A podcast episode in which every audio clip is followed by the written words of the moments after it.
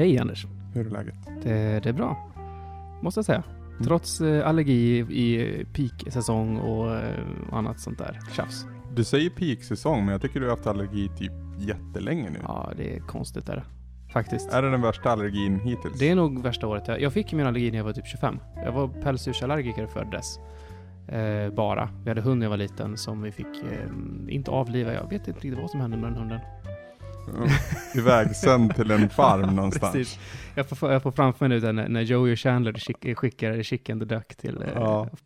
Nej, jag hade, jag hade, vi hade hunden när jag var liten. Snurre hette den. Eh, som, eh, vi flyttade väldigt mycket när jag var liten. Eh, så.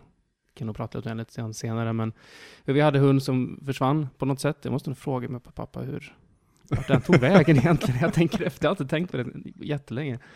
Eh, men eh, ingen annan allergi, så att vi kunde inte ha några, katt eller hund eller sånt där. Så eh, jag hade fågel, en nymfparakit som jag fick i flyttpresent typ för att trösta mig någonstans. För som sagt, vi flyttade en hel del. Okej. Eh, Varför flyttar ni så mycket? jag vet inte riktigt, faktiskt. Jag har frågat mina föräldrar i efterhand varför vi flyttade så mycket, men ehm, nej, det var väl, de fick olika jobb här och var och ville väl av någon, av någon anledning flytta runt och testa på. Okej. Men vi börjar, vi börjar i den änden. Vart växte du upp? Vart kommer du ifrån och vart växte du upp? Jag eh, är född i Småland faktiskt. Okej. I eh, Norra Hästra heter det där. Eh, det finns en skidbacke där som heter Isaberg och de gör Isabergs handskar där tror jag. Det är väl det enda som det är känt för tror jag. Har inte, jag har inte så jättebra koll på det. Eh, mitt första minne har jag när, vi, när det var när de grävde i gatan utanför. Vi bodde i ett litet radhus där. Eh, de grävde i gatan utanför och jag och några andra smågrabbar letade efter blålera. För då var det det häftigaste som fanns, blålera. Så var det nog alltid någon grabb som vanligt som visste att ja, men det fanns någon annan lera, svartlera finns också, eller det var någon jävla färg. Det var ännu häftigare, men blålera det kunde vi hitta i alla fall och då kunde man liksom greja med den och så. Det är mitt allra första minne, när vi lekte där ute på gatan. Eh, efter det så flyttade vi till ett ställe som heter Ringarum. Hur gammal var du då? Då var jag nog fem, kanske. Jag hade inte börjat skolan riktigt än. Nej, nej. Eh, jag är lite osäker på var det ligger idag. Alltså vilket landskapen det är här i södra Sverige någonstans i alla fall. Eh, F så bodde vi där kanske ett, två år. Jag började dagis där i alla fall. I Gusum hette det. Eh, så flyttade vi till eh, någon annanstans som jag inte kommer ihåg namnet på. Det var en gård långt, långt ute på landet i alla fall. Så att vi, hade, vi var tvungna att elda för att få varmvatten och på vintern så hade, fick jag ofta duscha i kallvatten och sånt där. Det var lite hemskt. Det var där jag fick min fågel i alla fall. Eh, när vi flyttade dit, det var lite som så här, ja, jag rycktes ifrån mina kompisar på dagis ungefär och så här får du, har vi ett, ett husdjur. I och med att vi inte kunde ha hund då. Och det var något år efter då? Det var en, eh, ett eller två år efter det, så nu är jag kanske sex år eller något sånt där. Men där bodde jag bara ett år tills eh, att min pappa kom in på prästlinjen. Min pappa är ju präst. Och eh, jobb som han och min mamma hade haft före dess var ju som eh, fritidsledare eh, inom kyrkan då. Så alltså KU, alltså kyrkans ungdom och sådana där saker. Ganska mycket. Eh, så att vi flyttade till Uppsala när jag, eh, 87, det var det året jag skulle fylla sju. Så att jag började förskolan där, om jag inte minns fel. Ja, det var det. Förskolan i Uppsala. Det var mitt första, började nästan direkt med det när jag flyttade dit. Och sen, Och sen, låg och mellanstadiet sen, där bo, också? sen bodde jag där tills jag var, tills eh, jag, 92, eh, när jag skulle fylla 12. Så att jag hade ju egentligen hela min riktiga uppväxt, alltså den jag kommer ihåg med kompisar och allt sånt där, hade jag ju i, i Uppsala då. När du gick i skolan och så då? Vem var du på skolgården? Vilken roll hade du? I, eh, I Uppsala så var det ganska tydligt. Det, det var det. Vi hade ju tv-spelsklicken och vi hade eh, sportklicken.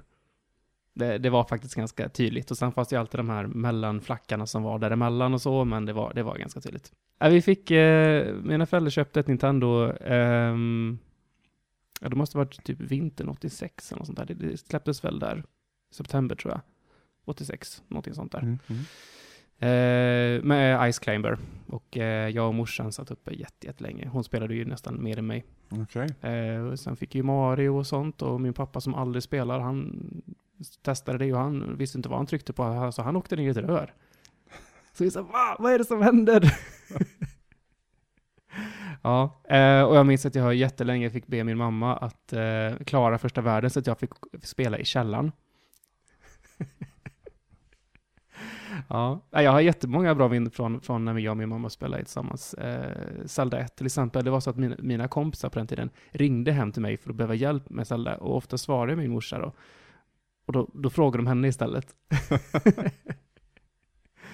eh, vi, jag minns också väldigt tydligt, vi hyrde Wizards and Warriors eh, en dag och eh, vi, spelade, vi, klar, vi klarade hela spelet på en kväll. Jag spelade banorna och hon spelade bossarna och så satt vi liksom och hjälpte varandra och tittade och tipsade och pratade och så här. Jättekul faktiskt. Eh, men hon fortsätter spela, fast mer som avkoppling. Eh, jag tror säkert att hon har klarat Zelda 3, alltså Link to the Past, hundra gånger skulle inte förvåna mig. Oj. Liksom, liksom hon spelade två, tre dagar så har hon klarat det på kvällarna och sen så bara börjar hon om. Det var liksom meditationsgrej som att folk sitter och spelar, mm, inte vet jag, Bejeweled eller något sånt där. Mm. Liksom bara avkoppling. Jag kan det här utan till, men jag bara, det är bara avkoppling. Men i skolan Tobias, I skolan? knyta tillbaka till det. Mm. Eh, du tillhörde då tv-spelsklicken gissar jag mig till. Ja, precis, precis. Eh, hur presterade du i skolan i övrigt? Alltså, var det kul att gå i skolan? Ja, jag har alltid tyckt det var kul att gå i skolan. Jag har alltid, jag har alltid liksom haft ganska lätt för mig i, skolan. Jag har alltid varit bra på logik, eh, matte, eh, alltid fått massa beröm för att jag har min fantasi och sånt där. Så svenskan har också funkat rätt bra och sådär. Så. Eh, nej, men det har alltid funkat bra. Och återigen, tv-spelsgrejen där, eh, jag tror att den har hjälpt ganska mycket. Både med språk, för att engelska och sånt där har jag ju liksom alltid haft väldigt lätt för mig och så också. Men även, även just fantasidelar och sånt där. Sen tror jag hjälpte mycket att, jag, att eh, min mamma läste mycket för mig när jag var liten också. Hela, hela Narnia-serien ett par gånger och Sagan om ringen två, tre gånger tror jag hela serien också. Och då var jag ändå ganska liten som vi läste liksom så pass avancerade böcker. Men på skolgården så fanns det ju, som sagt, ett tv-spelsgäng, så fanns det ett fotbollsgäng. Men det är klart att man spelar ju, man spelar fotboll och sånt på, på, um, på raster och sånt där. Lunchraster och, och sånt. Mm. Men um, fast oftast var vi satt ju bara och, typ och pratade om tv-spelsgrejer och sånt där. Och typ, typ, mycket, jag kommer ihåg det var mycket smusslande med koder och sånt där. Typ att några betrodda bara fick ha den här koden som man kommer till den här banan.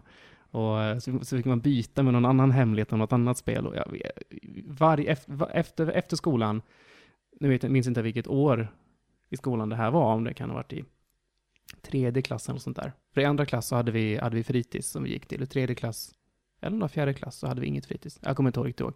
Då gick vi alltid hem till en, till en, eh, en bekant och han var en Sega-kille. Och det var standard att, att vi var ett gäng som alltid gick till honom och spelade fram tills att vi skulle gå hem och äta mat helt enkelt. Och sen så brukade vi ofta ses hemma hos mig efter maten istället. Eh, men där var det så att, jag minns det så väl, det, var i Psycho Fox till Sega, till Sega Master System, så fanns det någon warp zone någonstans. Och då var det, fick, vissa i rummet fick gå ut, för de var inte betrodda. De fick gå ut och ställa sig utanför dörren tills de hade gjort det, så fick man komma in igen. Så det var utfrysning på, på hög nivå på den tiden alltså. Men det, i efterhand ska man skratta åt det, men för då var det blodigt allvar liksom. Att aha, då ska jag också komma på några koder och hemliga grejer som bara vissa får reda på. Ja.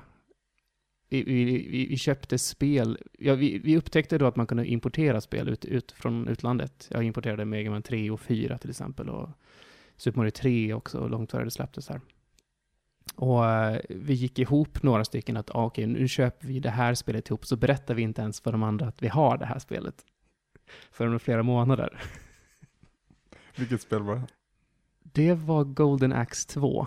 Okej. Okay. Just den gången. Ja, mycket smusslande och grejer och sånt där, det var det. Och så mycket cyklande över Gränby, Gränbyområdet som jag bodde i då. Om vi avancerar i års kullarna höll jag på att säga, men i årsklasserna, vad säger man? Vi tar oss upp till högstadiet. Ja. Då har, ju, då har det ju hänt någonting väldigt stort i mitt liv okay. vid, det, vid, det, vid, det, vid den tidpunkten. Eh, mellan femman och sexan, på samma dag som Super Nintendo släpps, så flyttar jag ifrån, ifrån Uppsala. Okay. För då är jag ju klar. Min pappa är klar med sin utbildning. Och eh, jag har ju alla kompisar där. Jag har ju allting. Så att det, var, det var väldigt upprivande för mig. Jag var ju 11-12 år eller sånt där, så det var, kompisarna var ju väldigt viktigt där. Eh, men vi flyttade till Bredared, eh, liten ort utanför Borås. Kanske tusen invånare. Det fanns en affär, en gammal lanthandel och ICA. Det var det enda som fanns egentligen där. För när du talar om låg och mellanstadier den här tiden, när importera spel och Mm. smusslade med koder och så, det lyser verkligen i ögonen på det. Så att jag ser att det har nostalgiska minnen och ett skimmer. Otroligt Ja. nostalgiska minnen. Så det kan inte ha varit lätt. Nej, det var inte alls lätt. För att jag bytte. Alltså, Gränby skulle man väl kunna säga, nu får ju de som bor där idag kanske rätta mig om jag, om jag säger så, men de som bodde på Gränby, det var ju liksom så, så att säga nysvenskar och, och studenter. Och eh, i min klass var vi två stycken som hade så att säga svenskt ursprung eller svenska föräldrar. Um, så jag växte ju upp utan att förstå den här grejen med rasism. Uh, första kontakten med det som jag fick, det var ju när Lasermannen härjade runt i Stockholm. Och folk började skruva på sig, tänk om man kommer hit och... Men det var ett invandrartätt område så att säga, så att eh, på min gård så var det, var det väldigt många som kom från Eritrea. Så jag var många födelsedagskalas, jag var hemma och åt, åt injera med mycket berbere och sånt där, afrikansk mat, jättegott. Så att eh, det var ju den världen jag växte upp i. Jag har nog alltid varit ganska blåögd tror jag. Aldrig riktigt förstått förstått de här eh, grejerna förrän det slår mig i ansiktet. Men, ehm, mm, så att vad jag flyttar ifrån är att bo i innerstan eh, med den typen av kultur runt mig till att jag flyttar ut på landet där folk kör moppe. Och ja, just en annan sak är viktig här också. Vi har ju inte hittat tjejer överhuvudtaget. Det, bör, det började nog hända, för att jag var, jag var och hälsade på sen när jag gick i sexan och då hade det börjat hända lite sådana grejer också. Men eh, när, jag, när jag flyttade därifrån så fanns, så fanns det ingenting sånt överhuvudtaget. Det var snarare så att man typ så här mobbar någon lite grann för att eh, ja, nu har vi sett dig gå där med henne, gick du gick, följer med henne hem och sådana saker. Då liksom, nej men det fanns inte där då. Men i alla fall, jag flyttar från Uppsala ut till Bredared där jag möts av eh, moppeåkande, eh, smygrökande, smygsupande, ganska rasistisk eh, jargong. Ehm, ingen spelar någon form av spel, alla är ute och fiskar och grejer och sånt där. Jag hittade ju inte riktigt fotfäste på nästan ett år där. Så Nej. man liksom bara fick glida med och liksom göra det bästa av det och liksom försöka anpassa sig och, och sådär. Och sen satt jag hemma på kvällen och spelade själv. Eh, det, var, det var jättetufft faktiskt. Det var jättesvårt att hitta, hitta fotfästet och hitta vem man skulle vara och, och sådär. Men sen så, hit, sen så Eh, det är ju en ganska liten by det där. Så att eh, man umgicks även ganska mycket uppåt och neråt i åldrarna. Så att eh, jag hittade en kille på Lucia, tror jag det var. Som heter Magnus i alla fall. Han var ett år äldre än mig. Eh, och han hade, han var kompis med ett annat gäng som jag inte hade umgås med alls för att jag gick i sexan då och de gick i sjuan. Och, jag, och då, det är därför jag inte hade liksom fått kontakt med dem genom skolan. För högstadiet var eh, i Frista, som ligger en bit därifrån. Eh, så han tog med mig till dem en dag och de höll på att spela eh, Drakar och Demoner. Vi hade, vi hade spelat jättemycket i Uppsala också. Så att, eh, och de hörde även på, han hade Amiga och det visade att någon annan där hade, hade ett Nintendo och jag hade ju Super Nintendo då, så att jag var ju helt plötsligt blev jag lite poppis för det då, för att jag hade det och sen skaffade jag Street Fighter och den sen spelade vi ju hur mycket som helst. Eh, så där hittade jag ju äntligen eh, no några att umgås med. Det tog ett år ungefär. innan. Så lagom till sjunde klass så var du inne i någon typ av gemenskap igen. Någon form av gemenskap, ja. Eh, precis, lagom till sjunde klass så, eh, så flyttade jag då, eller inte flyttade, utan jag började åka skolbuss till, eh, till Frista. Och då kunde jag börja hänga med de här nya kompisarna jag hittat även på skolan och eh, fick nya, nya klasskamrater också såklart. Eh, man fick rösta minns jag i sexan för att ta med sig vilka, hur många, hur många man, eller vilka man ville ha med sig i sin klass och sen så gjordes någon form av fördelning då på det här. Så ehm, ja, jag hamnade i en klass med eh, inga ingen jag umgås med idag om man säger så, eh, ifrån, ifrån bredare då. Men eh, ganska snart så hittade jag ett nytt gäng där som var datorintresserade. Snarare än, de hade också spel i grunden, men det var mer PC där och jag hade ju börjat titta på det med. Vi hade en gammal 286 med svart skärm och gul text. Med ett nät framför för att ta bort strålningen. I, I Uppsala då. Alltså vi, vi pratar alltså typ, vi köpte den 1990 eller något sånt där, 89 eller sånt där. Gud, Det, är charmigt. inget Windows eller något sånt där, utan jag, jag fick ju, jag, då fick jag ju lära mig DOS liksom. Typ 10 år.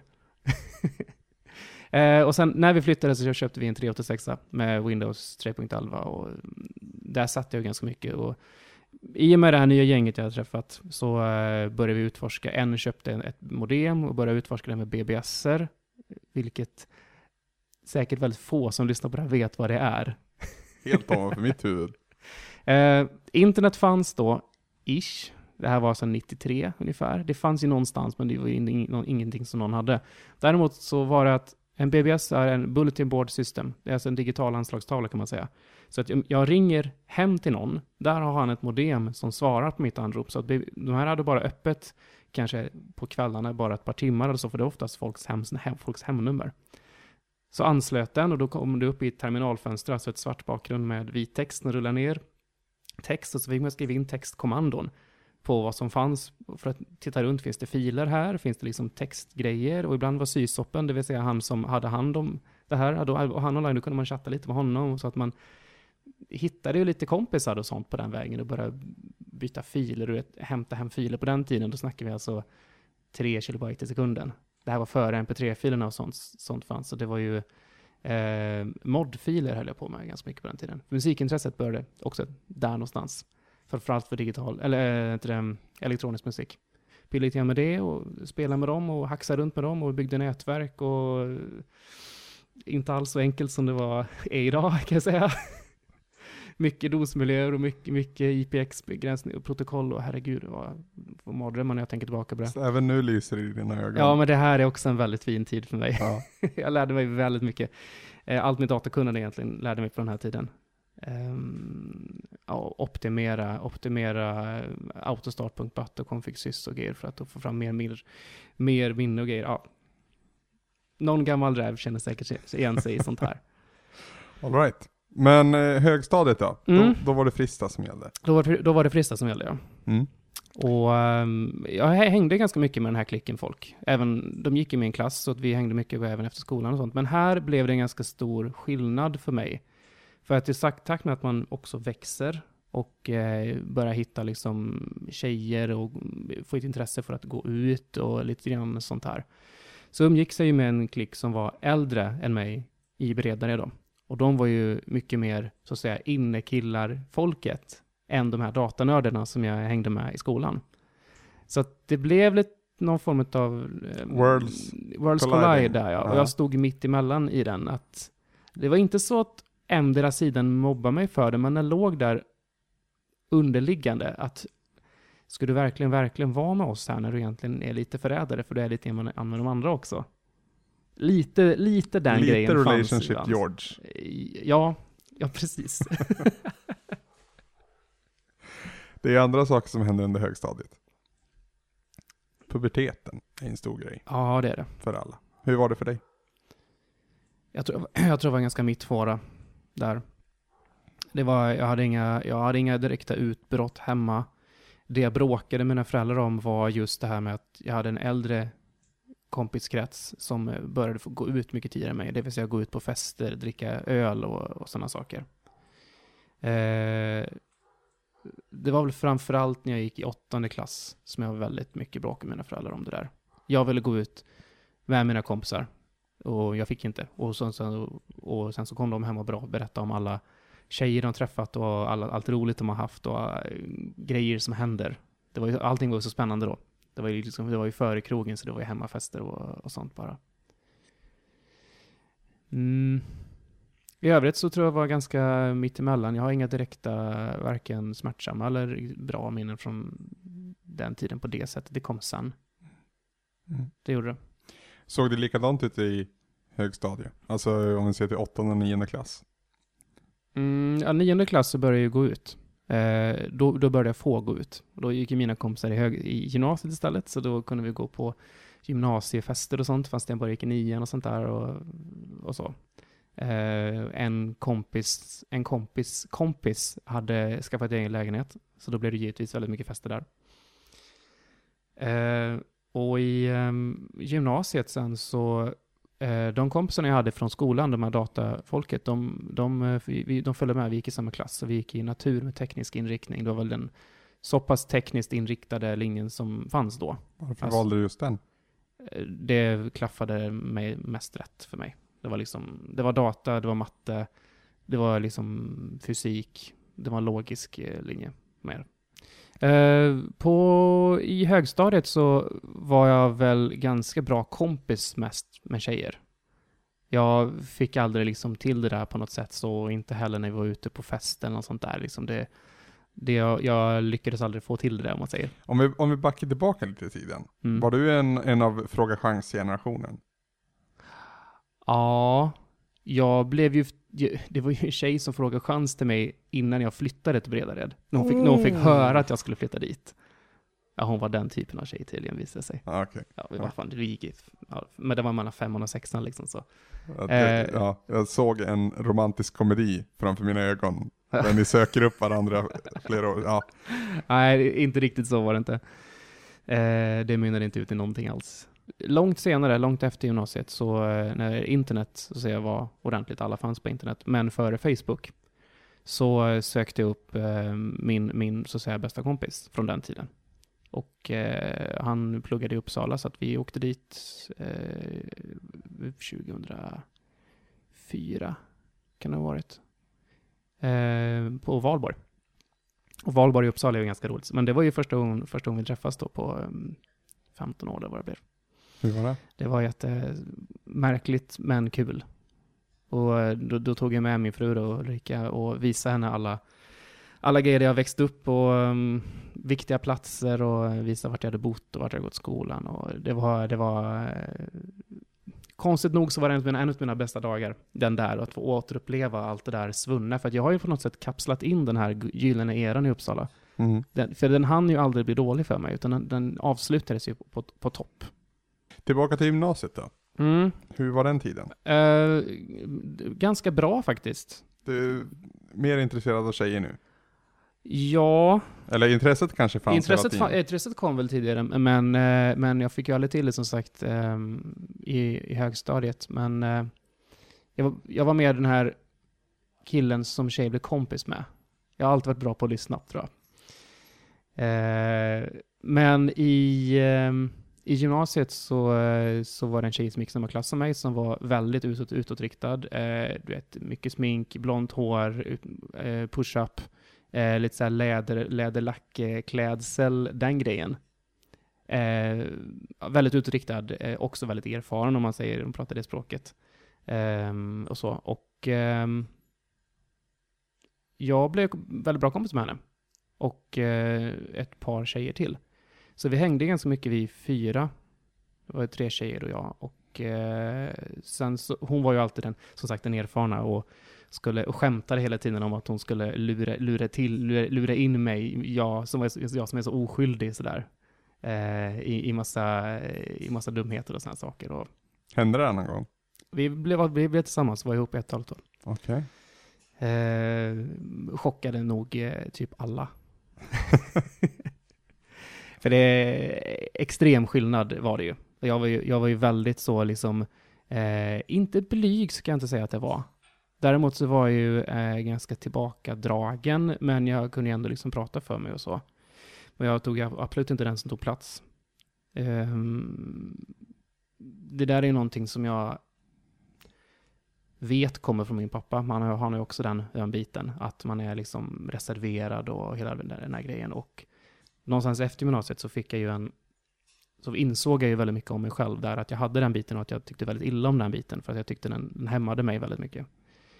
Och när jag tittar tillbaka på val och sånt jag gjorde före dess, till exempel att jag var liksom attraheras till den typen av tjejer som hon är, eller hon var, eller är, hon lever fortfarande. så um, jag har alltid sökt mig till det här kaosartade. Alltså det, det ja, kaos är nog det bäst, bäst förklara med. Ett sätt för att, för att få upp mig själv ifrån den här eh, spikraka Asperger-tendensaktiga personen som jag har i mig. Den här eh, logiska personen. Jag ville, jag ville bort från den. Varför ville du bort från han? Nej, för det kändes som att jag, om jag inte tog det beslutet att för samtidigt som, samtidigt som jag gick ut gymnasiet så tog jag också beslutet att jag ska inte jobba med datorer. Jag vill inte göra det. Och eh, jag vill liksom hitta någonting mer i livet än bara att sitta och knacka kod ungefär. Det här var någonting du då kom fram till under gymnasietiden? Eh, ja, i slutet på trean Okej.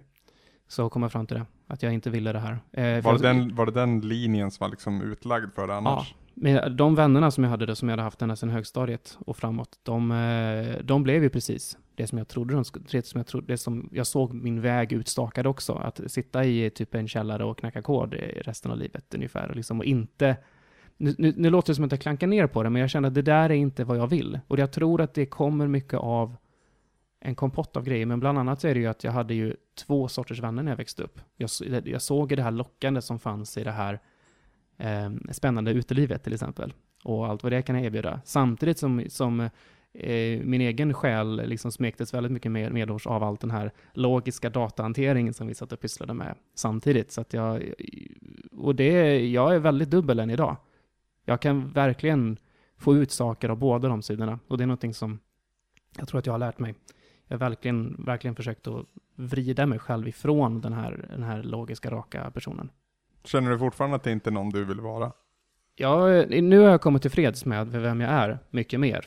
Eh, men jag hade nog eh, under egentligen under hela, nästan hela mina 20, mina 20-tal, om man säger så, eller vad säger man? Mm.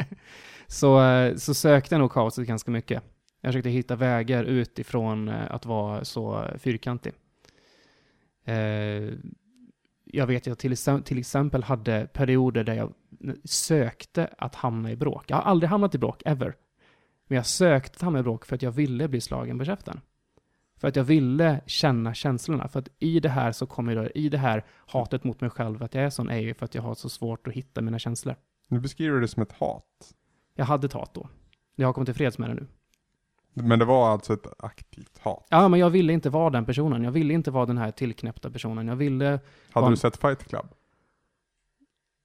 Den kom... 99. 99. Den hade inte så mycket inverkan på mig. Jag tänkte just att du ville bli slagen på käften. Ja, men jag, jag kunde väldigt mycket relatera till den. Ja. Jag kunde förstå vad de menar jättemycket. Mm, det här är svårt att förklara. Det är svårt, det, det är känslor det här. Det är svårt Mm. att sätta ord på många, många av dem. Jag vet inte om jag ska använda hat mot vem jag var eller är. Men jag kände så då. Jag ville verkligen slå mig loss från den där. Den biten. Du drog ju också ett band mellan den personen då, matematik, Tobias, Mm.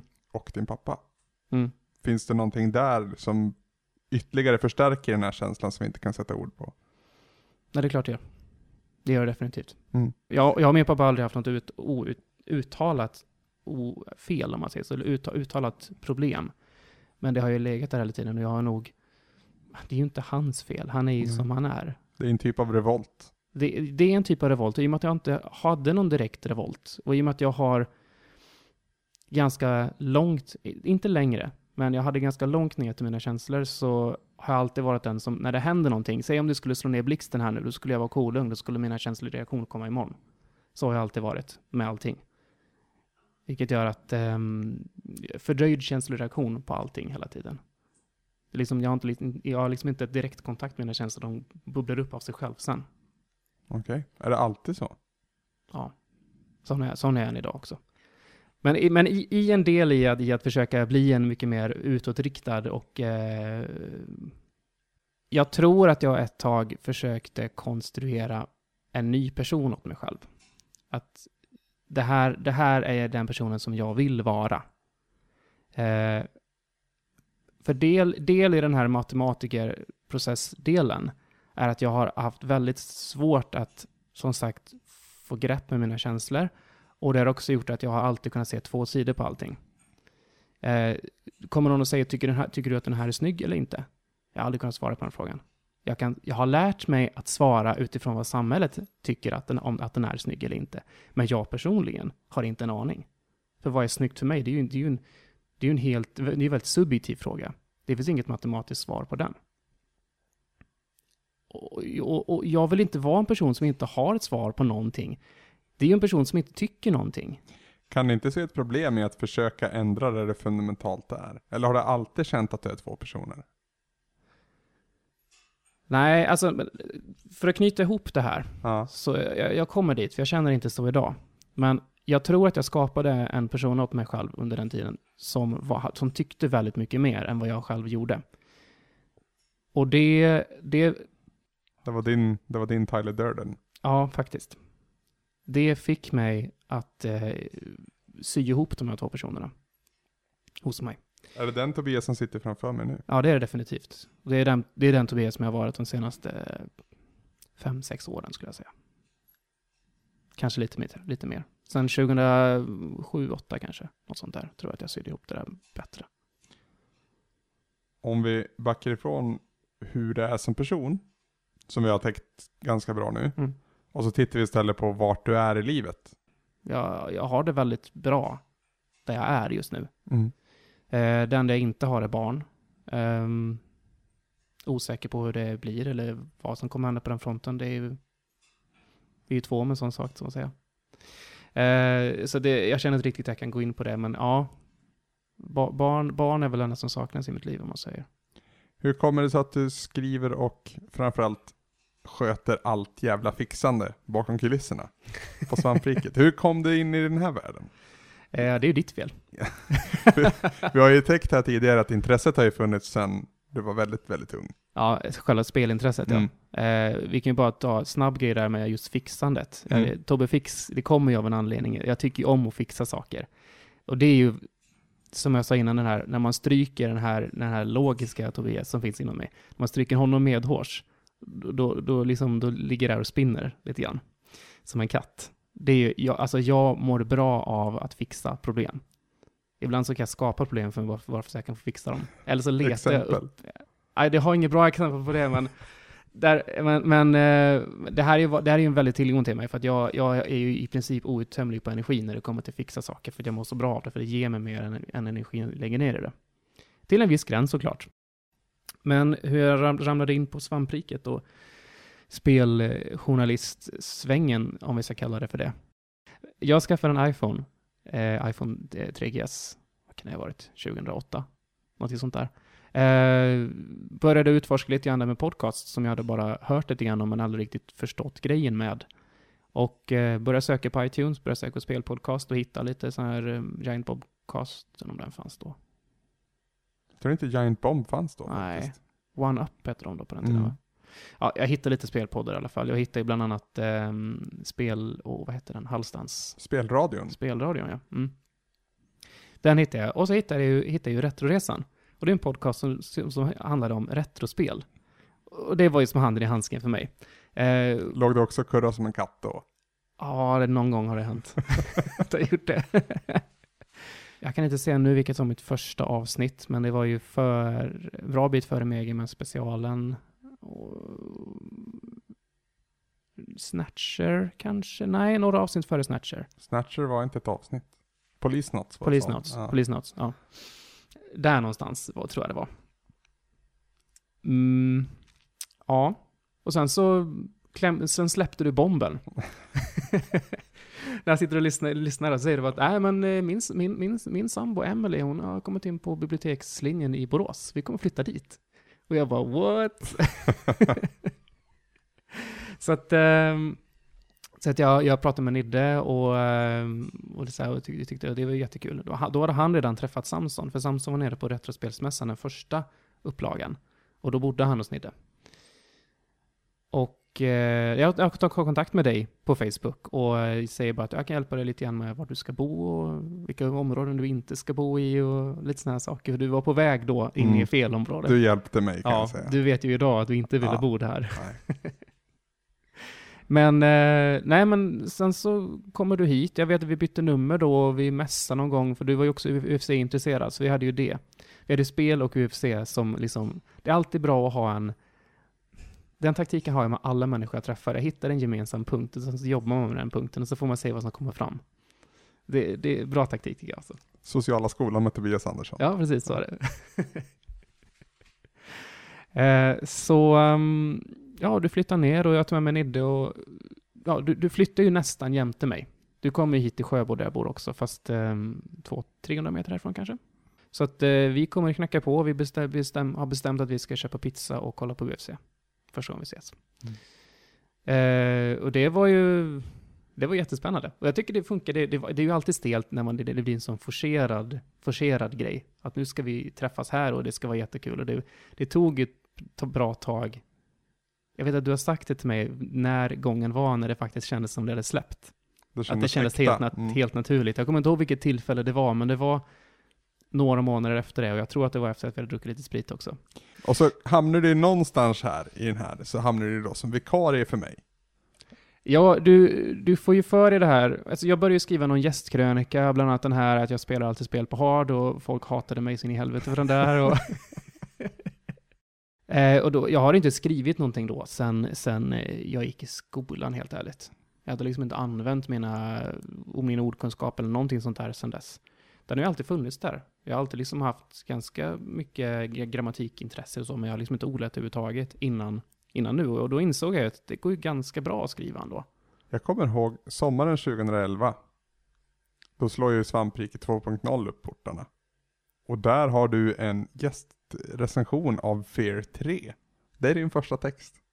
Det kanske är den första texten jag skrev. Ja, Ja. ja just det. Så du började in, du började, för den, den lämnades också in och publicerades i efterhand tror jag från lanseringen. För det kom ju mycket inlägg där i början. Ja.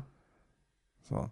Den, måste vi gå tillbaka och läsa till, för den gick vi igenom ganska mycket minns jag innan vi... ja, jag skrev ju en text, men sen så ratade den och så bara nej, det är en jävla A1 Malls recension. Det är inte som vi jobbar på Samfriget. och jag bara nej, nej, nej, och fick jag skriva om den då. Riktigt så var det inte. Men... Jo, det var visst så. Jag tror det var ordagrant så. Ja, ja, jo, det kanske det var kanske. Skit i det. ja, eh, Varför har du blivit kvar på svampriket? För att eh, det, det, är, eh, det är ju precis som du sa, det är ju inte mall A1. Vi gör ju det här för att det är kul, inte för att det är ett jobb. Och det finns, man kan göra vad man vill av det. Man kan göra powerplay om man vill det. Det jag sitter och spelar spel, för det är svårt. man kan göra lite vad som helst av det. Eh, och det är det som är så skönt. Och sen är det ju eh, väldigt mycket också för den sociala biten. Eh, jag skiter fullständigt i gratisspel. Det rör mig inte i ryggen. Jag, kan, kö- jag skulle kunna köpa alla mina spel. Det är inte därför jag skriver Sampriget. Eh, pengar, det tjänar vi ju inte några. Så det är inte heller någonting som... Koster, som sagt. Ja, det, det, ja, precis. Det kostar pengar istället. eh, så det är inte, absolut inte heller min motivation, utan eh, det har ju... Det finns väldigt mycket fixande på svampriket och det, det, det, då spinner jag lite grann, vet du. Det, det gillar jag. Ehm, men sen så har det ju utvecklat mig jättemycket också. Det har, jag har ju fått upp mitt språkintresse igen, så att det blev ju, det blev så att jag, satt, att jag ett tag korrade varenda text som gick upp på svampriket. Jag är ju fortfarande till och från, men eh, inte allting som jag gjorde förr. Eh, Så språkintresset, eh, alltså sitta och, sitta och grotta in sig på språkforum och sånt för att jag har lurig, en fundering om hur man ska hantera situationer och sånt där. Det tycker jag är kul. Um, och, sen, och sen bara, ja, sen spelgrejen och liksom börja titta på spel på det sättet. För det, har- innan har jag bara alltid bara spelat det och inte fått lägga på analyshjärnan på det. Jag tror inte jag har något bättre svar på den frågan. Det var ett jättebra svar Tobias. Ja, Så bra. Svampriket får dig att spinna, kortfattat. ja, lite så. Ja. Mm. Om vi ser till ditt liv och blickar framåt istället. Mm. Du nämnde barn där, men om vi tar lite större, lite mer breda penseldrag. Har du någonting på din bucket list? Någonting som du vill göra liksom innan du checkar ut? på min bucket list. Jag vill ju tro att barnslighet är någonting som man inte ska försöka växa ur. Det är inte vuxet att vara obarnslig tycker jag, utan det är någonting som jag vill ha kvar hela mitt liv. Och jag lever, in, jag lever ganska annorlunda från vad de flesta andra gör i min ålder, det vet jag. Eh, jag är ute och ränner på, som sagt musikintresse pratade jag om lite grann innan, elektronisk musik och sånt där. Jag har ju ränt nere i Holland eh, fyra, fem gånger per år sedan typ 2003 och åker på massa jäkla grejer och jag spelar som DJ och hade ju haft gig på klubbar och sånt där. Nu spelar jag inte för pengar och sånt längre utan jag spelar bara när jag själv vill. Eh, det senaste nu är att vi håller på och arrangerar fester ute i skogen med dieselaggregat och sånt rätt ute i skogen och kör och sånt. Det är väldigt mycket som snurrar med sånt. Eh, samtidigt så är det massor med spel och såna grejer. Och, men sen eh, överlag, jag vill inte riktigt växa upp, eh, känner jag. Jag trivs väldigt bra med att, att ändå vara vuxen i, i kroppen men, men ganska ung i sinnet. Det kanske förändras den dagen barn kommer, eller det är jag ganska säker på att, den, att det, det kommer göra. Och det, det kommer jag välkomna då. Men eh, jag vet att många säger att man ska inte leva som om det finns en morgondag. Det finns ett talesätt för det där. Jag försöker faktiskt leva ganska mycket efter det. Jag gör väldigt mycket saker som jag vill göra. Eh, vi, vi, åker på långresor. Jag har liksom varit tre månader i Asien och backpackat. Jag har varit i USA ett par gånger och Filippinerna och runt och visst, vi har ju lite fler länder vi vill bocka av och vill åka till, och, men eh, jag reser mycket i jobbet. Jag har varit i Kina ganska mycket, Eh, i Turkiet och jobbat och äh, men jag, jag lever ett ganska hektiskt liv. De flesta som kommer i kontakt med oss och lär känna oss, de, de, de får nästan en liten chock av att shit vad ni gör mycket saker hela tiden. Och min fru då, vi har inte nämnt henne så mycket, men hon är ju en jättestor del av mitt liv. Vi har varit tillsammans i 15 år och varit gifta sedan 2008. Och eh, hon, hon, hon är märkligt lik den här första tjejen som jag pratade om i gymnasiet. Det är hon. Men eh, jag, behöver, jag behöver den där motsats, motsatsen till, till mig själv. Det är man bäst av. Och hon också faktiskt. Okej. Okay. Så passande. Det, det, men det är märkligt det där, för att under väldigt, i början där, eller första, mer än hälften av vårt förhållande tillsammans, så har, eh, var det hon som drog upp mig och jag som drog ner henne, alltså stabilisera mer. Och det, det var så liksom den, den eh, ekvationen fungerade. Men det har faktiskt svängt. Nu är det hon som är mer den lugnare typen och, så, och det är jag som är mer håller igång och drag och ut och, och sådär. Det, det, har faktiskt svängt och det, det är intressant. Okay. Vi, vi, svänger hyfsat samtidigt dock, så det, det, har inte blivit så mycket problem med den grejen. Men, äh, ja. ja. Du nämnde musik där, elektronisk musik framför allt. Mm. Vi ska börja runda av det här. Mm. Vi har faktiskt gått lite över tiden redan, så jag kommer få använda klippets magi för att få ner det till avsedd tid. Men om du ska välja en låt som får beskriva dig och ditt liv just i detta nu. Det behöver inte vara en låt som är modern eller ny, men en låt som fångar vart du är någonstans. En låt som fångar vart jag är någonstans. Um, alltså, soundtracket till mitt liv just nu Eh, och som sagt, jag har ju lyssnat på elektronisk musik i många år, väldigt många år. Så jag har varit nere och grottat i nästan alla sådana träsk. Eh, Alltifrån eh, trance och det, jag, jag, var ju på house-svängen långt före house blev, blev Avicii och sådär och så. Så jag har spelat på houseklubbar och sånt där ute. Men, eh, och, och sen en massa hardstyle och hardcore nere i Holland på massa sådana här eh, climax och stamp och sånt. Eh, men nu det senaste, senaste kärleken i den, i den genren som jag är inne på nu, som har varit senaste året skulle jag säga, ett och ett halvt år kanske, det är ju um, psykedelisk trans, alltså psytrance. Och det är därav den här skogsgrejen uh, kommer ifrån också. Så det är väldigt mycket det som snurrar. Uh, och den kulturen är ju, man skulle kunna säga att det, det är ungefär som hippiekulturen på 60-talet. Bara att musiken har ersatts ifrån, ifrån Pink Floyd till, um, till um, Asterix. Så jag måste ju ta någonting från den, från den grejen, någonting som snurrar just nu. Så att uh, jag tar Subconscious Mind, Subconscious Mind med I Remember Oga. Den måste jag länka till för det går inte att stava till den, det är skitkonstigt stavning. Eh, men det, ja, det, det, är en låt som har eh, format slutet på förra sommaren och mycket början på den här sommaren. Vi har kört den mycket ute. Okay. Det är någonting som gått mycket. Och det är, alltså vi snackar 11 minuters låt som, det bara, jag sätter på lurarna och sen slutar jag ögonen så är det typ far iväg på en resa. Det, det är vad den musiken gör just nu för mig och det funkar väldigt bra. Det klaffar i, mitt, i min utveckling just nu. Okej. Okay. Sista frågan då Tobias. Mm? Det är en. Mm -hmm. Nu har vi täckt väldigt mycket av dig. Jag tycker vi har fått en väldigt, väldigt bra bild av vem du är och varför du är som du är. Det känns som jag skulle kunna prata i tre timmar till. Det känner jag också, mm. men det är lite jargongen här också som lätt klickar in. Ja. Och så börjar vi nysta i exakt allt. Men är det någonting som hittills har varit hemligt för oss som lyssnar? Är det någonting som, som vi inte riktigt känner till om dig än? Någon sån här... Du vill ha en sån här rolig grej eller? Det behöver inte vara en rolig grej eller någonting sånt, men eh, någonting oh, lite halvsnaskigt sådär. Lite se och hör nivå på det hela tänker jag. Eh, vet, vet du en sak? Jag har haft pars. När jag gick i åttan hade jag pars. Jag skulle kunna gräva upp en bild. Jag vet inte om den godkänns Tobias. Okej, men men den okej. är jätterolig med tanke på att, ja. Ehm, jag är väldigt bra på typ gå före i köer och sånt. Oj. Ja. Har inte du, har inte du varit med mig när vi, när vi varit ute och varit Jo. fulla och sånt där? Speciellt när jag är full, för då tappar jag hela den här moralaspekten i det. Men alltså, klockan tre på en lördagkväll, om man är hungrig och det är kö ut till ut väggen, eller ut utanför McDonalds, så är jag in och ut på typ en minut med hamburgare alltså.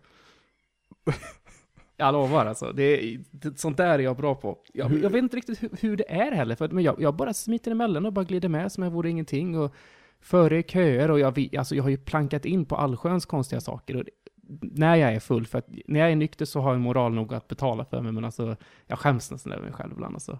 Hur mycket jag har furat mig på grejer. Men äh, hör det ihop med det här, äh, det kanske inte är någonting som finns kvar i, i dig fortfarande, men den här viljan av att hamna i trubbel? Hamna kan, i bråk? ja, det kan vara det. Det kan finnas, det kan vara det lite grann. Ja, det är intressant. Men det, det har ju till och med varit så här att man stövlar fram på McDonalds och så är det ju fullt kaos där och så bara "Ö, Var är min Big Mac utan, utan dressing? Och då får ju de panik och så snabbgör de den. Och Lifehacks av Tobias Lite Andersson. lifehacks. Och jag är inte stolt över, över att jag gör sånt där. Men ibland, ibland så garvar man åt det alltså, i efterhand. För det, ja, Har du någon, sån, någon gång hamnat i riktigt trubbel? för att jag gjort någonting sånt där. Mm. Eh, ja, trubbel och trubbel. Vi... det har inte hänt någonting dumt, det har det inte gjort. Okej. Och jag har inte liksom åkt fast eller något sånt där. Utan Ja, det, var, det var det jag tänkte. utan mer så liksom. bara, du, du, du, ska, du, ska, du ska inte gå in här, kom nu, kom nu så får- hämta vakten ut mig typ och sånt. Typ. Det blir ju en plankningsförsök då, eller Ja, sånt. precis, precis. Eh, sådana där saker. Gå Okej. före, gå före i köer på krogar och, och sånt. Okej. Ja. Hörru du, det har varit en väldigt trevlig pratstund. Mm. Som alltid med dig. Mm, tack. Och eh, jag hoppas att du har en fortsatt trevlig sommar. Ja, det tror jag jag Vad ska försöka med. Du har inte fått semester än. Nej, det är ett, eh, två och en halv vecka kvar. Men när det här når poddeten så har du nog semester. Mm, jag tror att jag är i första veckan av semestern då. Det. Men jag hoppas att du har en trevlig semester i alla fall. Mm. Trevlig sommar. Jag hoppas att de där ute som lyssnar på det här har detsamma. Mm. Och så hörs vi igen i höst Tobias. Ja, det är vi. Hej då Tobias. Hej då.